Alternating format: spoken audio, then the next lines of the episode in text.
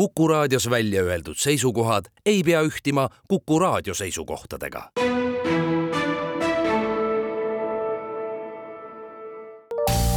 terviseks. Saadet toetab Lääne-Tallinna Keskhaigla, vaata ka keskhaigla.ee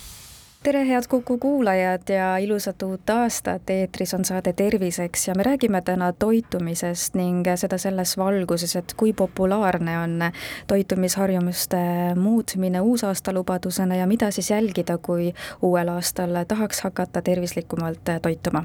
mina olen Ingela Virkus ja koos minuga on stuudios Lääne-Tallinna Keskhaigla toitumisnõustaja ja toitumisterapeut Külli Holsting, tere! tervist! kui tihti läbi aastate te toitumisterapeut terapeudina sellega kokku puutute, et äh, inimesed tulevad jaanuaris teie juurde sooviga oma toitumist muuta, äh, olla kuidagi uuel aastal tervislikumad ja vastavalt soovile ja vajadustele siis kas kaalu kaotada või kaalus juurde võtta? No seda ikka, et inimesed ju aastavahetusel teevad kokkuvõtteid oma möödunud aastast, panevad numbrid kirja ja kui nad märkavad suuremaid muutusi, siis nad loomulikult on mures. ja mul on väga hea meel tegelikult, et need inimesed tulevad, sest alati on ka esimene samm on tähtis sel pikal teel ja kui nad selle juba jaanuaris teevad, siis ähm, järgmise aasta lõpuks on võib-olla palju paremad tulemused. kui palju päriselt jäädakse selle soovi juurde, et jaanuaris alati nagu soovitakse ja tehakse, aga siis veebruaris on juba nagu ei minda enam võib-olla trenni ja ikkagi nagu minnakse vanade harjumuste juurde tagasi. eks see nii ongi, et motivatsioon kestab umbes kolm nädalat, siis hakkab ta päris kindlasti juba langema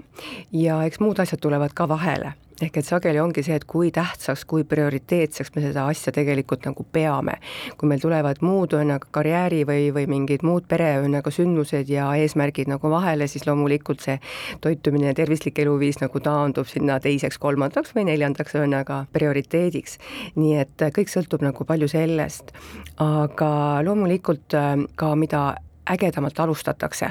ehk et siis nagu intensiivsemalt minnakse trenni, intensiivsemalt võetakse endale uusi toitumiskavasid ja ja viise, kuidas sel aastal teha kõik, kõik maksimaalselt hästi, siis need jah, kipuvad rohkem läbi kukkuma kui need, mis on hästi planeeritud, mõeldud samm-sammult, et kas või iga nädal üks samm on ka palju parem, kui võtta nagu kümme sammu, millest niikuinii nädala jooksul ka ei jõua kõiki isegi täita ega ka isegi meeles pidada.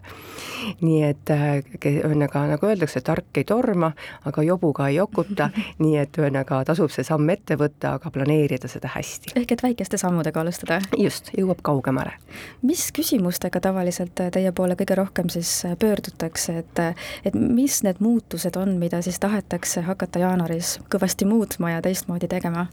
No kes on saanud muidugi jõusaali või spordisaali pääsme, siis tema tahab kindlasti teada, et kui ta nüüd hakkab trenni tegema, kuidas ta nüüd peaks siis sööma hakkama ehk et see on sageli selline üllatus, et oi-oi, ma ju teen trenni ja mu isu tõuseb, ma peaksin hakkama äkki rohkem sööma. või siis vastupidi, hirmsasti vähem sööma, et aga siis kuidagi kaob trennis ka see jõud ära ehk et mis siis on nagu üldine soovitus ütleb, et kui te treenite nädalas vähem kui viis tundi, siis lisatoitu selleks tegelikult vaja ei ole, see viis tundi ongi see, mida me peaksime tegema. Ja muul juhul lihtsalt siis äh, äh, me viilime, aga kui me jah, hakkame tõesti nagu pikemalt ja, ja püsivamalt treeningkoormust ka tõstma ja intensiivsemaks tegema oma treeningkavasid, siis tõesti tasub ühesõnaga nõu pidada ja jälgidagi seda, et ei tekiks mingit toitainepuudust ja ka sellist taastumise aja äh, vähesust, sest see toob tõenäolisemalt kaasa ka erinevaid traumasid, äh, ülepingutust ja ebameeldivat tunnet pärast treeningut. ehk et me eeldame kõik, et ühel hetkel hakkab see treening meile meeldima ja me saame ainult ainult positiivseid emotsioone ja meie lihas läheb tugevamaks ja vastupidavus tõuseb, aga kui kõik läheb vastupidi, siis me kaotame ka motivatsiooni seda trenni edasi teha. või ütleme, et see ei ole õige treening, tuleb otsida midagi muud või ei ole õige treener või ei ole õige nõustaja nii et äh, jällegi alati nagu läbi arutada, millised need ühesõnaga tõusud ja mõõnad võiksid olla ja mille peale siis kohe mõtlema hakata, et et jah, mitte liiga ülepeakaela ja liiga intensiivselt ka alustada. ja sama on ka toitumisega, et kui me võtame kohe trenni ja kohe toitumise, siis me ka võime nagu sattuda lihtsalt liiga suurde stressi ja me ei jõua lõpuks teha hästi kumbagit kuidas pidi see siis on või võivadki mõlemad olla korrektsed, et kui näiteks trenniga alustatakse, tehakse seda võib-olla ka rohkem mingi hetk, et ja tekib selline tohutu nälg, et kas ta siis ikkagi annab märku sellest, et energiat kulub rohkem, kui seda tarbitakse või pigem annab ta märku sellest, et võib-olla jääb seal mingist toitainest puudu? no pigem on see, et mindi tühja kõhuga treenima, ehk et tegelikult energiat, mida trenniks siis vaja on, ei olnudki ja, ja peale seda treeningut ongi siis suurem näljatunne, sest keha on ju oma ka varud nüüd mängu pannud ja, ja siis kiputakse minema, et noh, ma ju käisin trennis, ma võin ju veel paar võileiba veel lisaks võtta või veel haarata ühe saiakese, sest ma olen ju ka trenni teinud ja ennast ka nagu premeerida natuke selle trennigi eest. ja siis tõepoolest see kaal pigem kipub hoopis tõusma kui langema ja pettumus on seal nagu päris suur. nii et esimene asi on jah, võib-olla panna ikkagi paika see toitumine, vähemalt see regulaarsus sinna juurde ja see regulaarsus peaks toetama ka seda treeningu tegemist, et enne trenni on siiski süsivesikuid äh, pisut ikkagi tarbitud selleks, et nagu oleks jõudu ja jaksu ja vähem nagu ohtu tõesti saada trauma või, või või on aga tehniliselt on aga endale viga teha.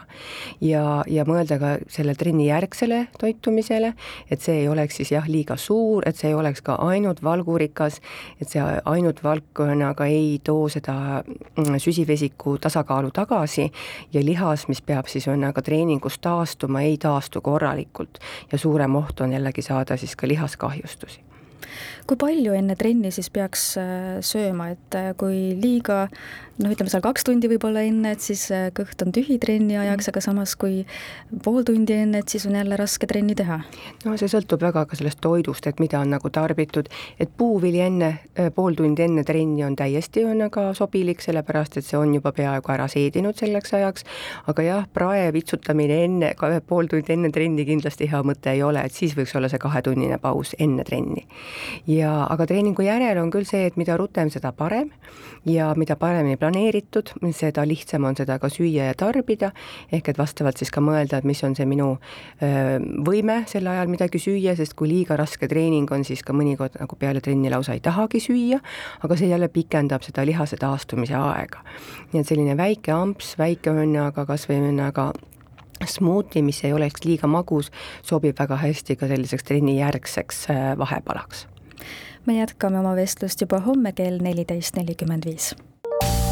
terviseks.